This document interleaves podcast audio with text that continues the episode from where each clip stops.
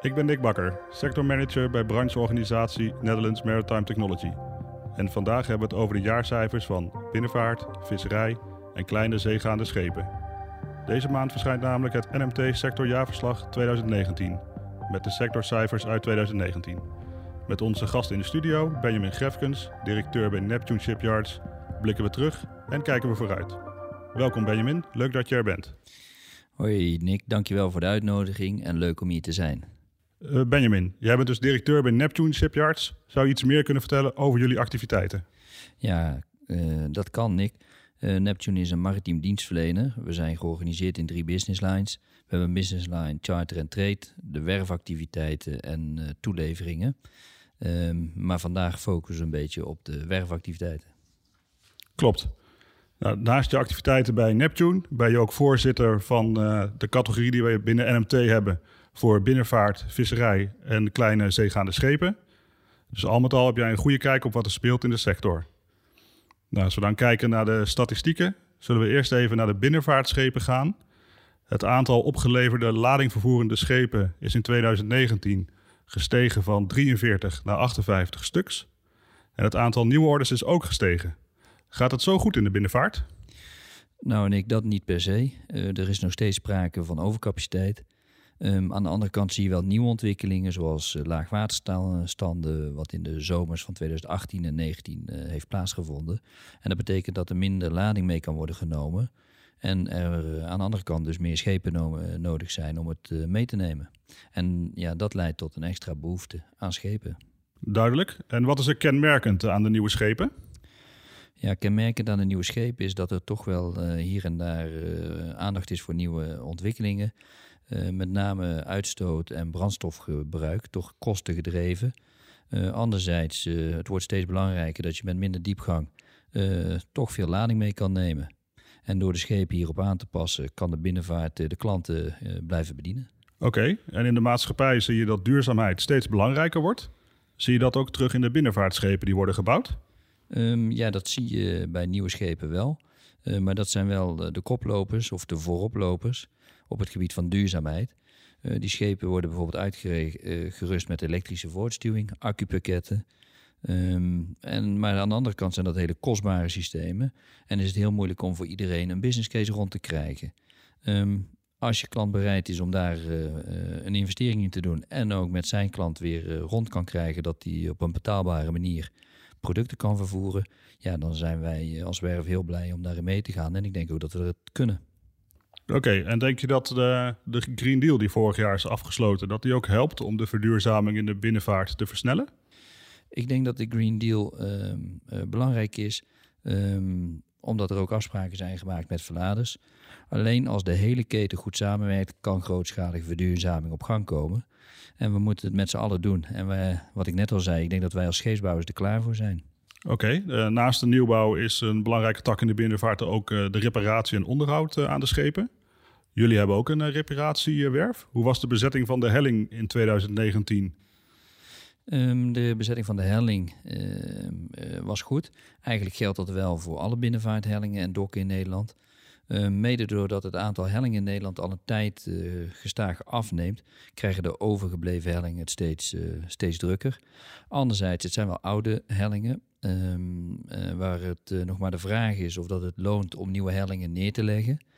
Um, en wat de markt tegenaan komt, of waar de werven tegenaan lopen, is dat de hellingtarieven ja, steeds moeilijker worden om de instandhoudingskosten van de hellingen ja, te kunnen dragen. Oké. Okay. Uh, naast de lading vervoerende schepen zijn er in de binnenvaart ook schepen die personen vervoeren.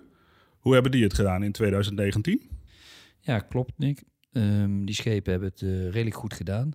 Um, bij de passagiersschepen zie je dat het aantal opgeleverde schepen gestegen is van 7 naar 11 stuks. En dat er zelfs 19 nieuwe orders voor passagiersschepen in 19 uh, zijn gesloten. Oké, okay, dat klinkt goed. En denk je dat dit segment het ook goed blijft doen in de toekomst? Um, ja, dat is moeilijk te zeggen. Um, ik denk het niet. De coronacrisis heeft met name op deze sector uh, een grote invloed en ligt eigenlijk nagenoeg helemaal stil. En ik ben bang dat het ook nog wel een tijdje gaat duren voordat hij weer op, uh, op gang komt en dat dit uh, hersteld is. Lopende nieuwbouwprojecten worden bewust vertraagd en geplande orders ja, worden gecanceld.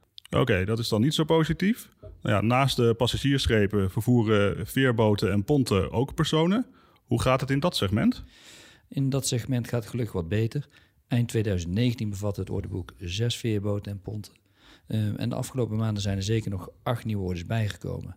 En veel van die schepen worden elektrisch of hybride aangedreven. Dus ook hier is veel aandacht voor duurzaamheid.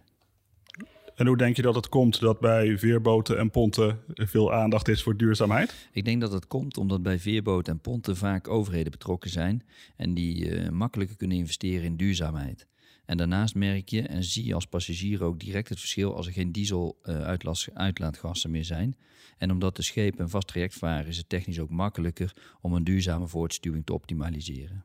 Uh, en Benjamin, hoe komt het dat het uh, technisch makkelijker is om op een vast traject een duurzame voortstuwing te optimaliseren? Nou, dat kan omdat je weet hoeveel energie je gaat verbruiken op een vast traject. De omstandigheden met dit soort schepen nagenoeg altijd gelijk zijn. En daarnaast uh, heb je ook vaste vaarschema's. Dus kun je ook heel goed uh, uh, ja, één laadplek maken waar je weer kan opladen voor de volgende dag. Het volgende segment dat we gaan bespreken is de visserij. Wat kun je daarover vertellen?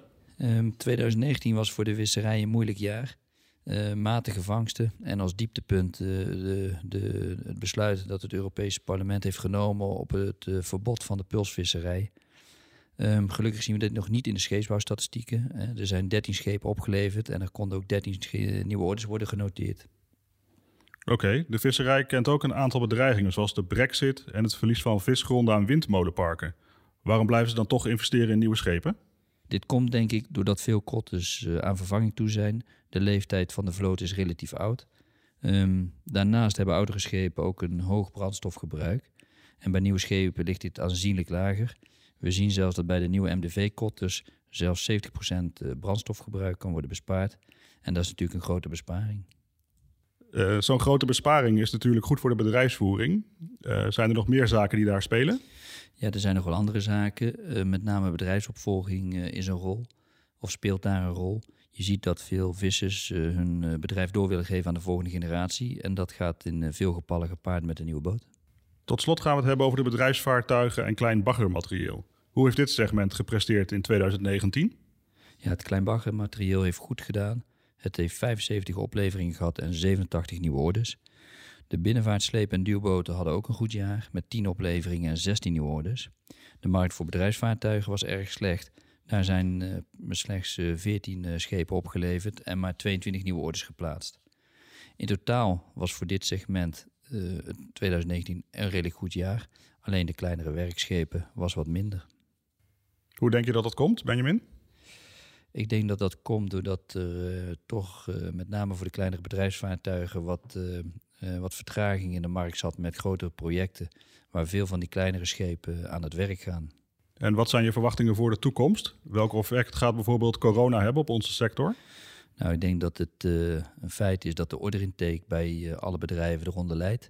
En als je ergens een, afzwakking of een orderintake stop krijgt, gaan we dat gewoon merken in de productie het komend jaar. Um, anderzijds uh, is het vooruitblik wel redelijk positief. Je ziet dat de infrastructurele projecten doorgaan. Grote projecten die al een aantal jaren gepland stonden, we gaan beginnen. Um, in Europa, in het Midden-Oosten. En ik denk dat daar een aantal eh, van onze klanten met kleine schepen naartoe zullen gaan. Oké, duidelijk. Zijn er nog andere zaken die je wilt delen?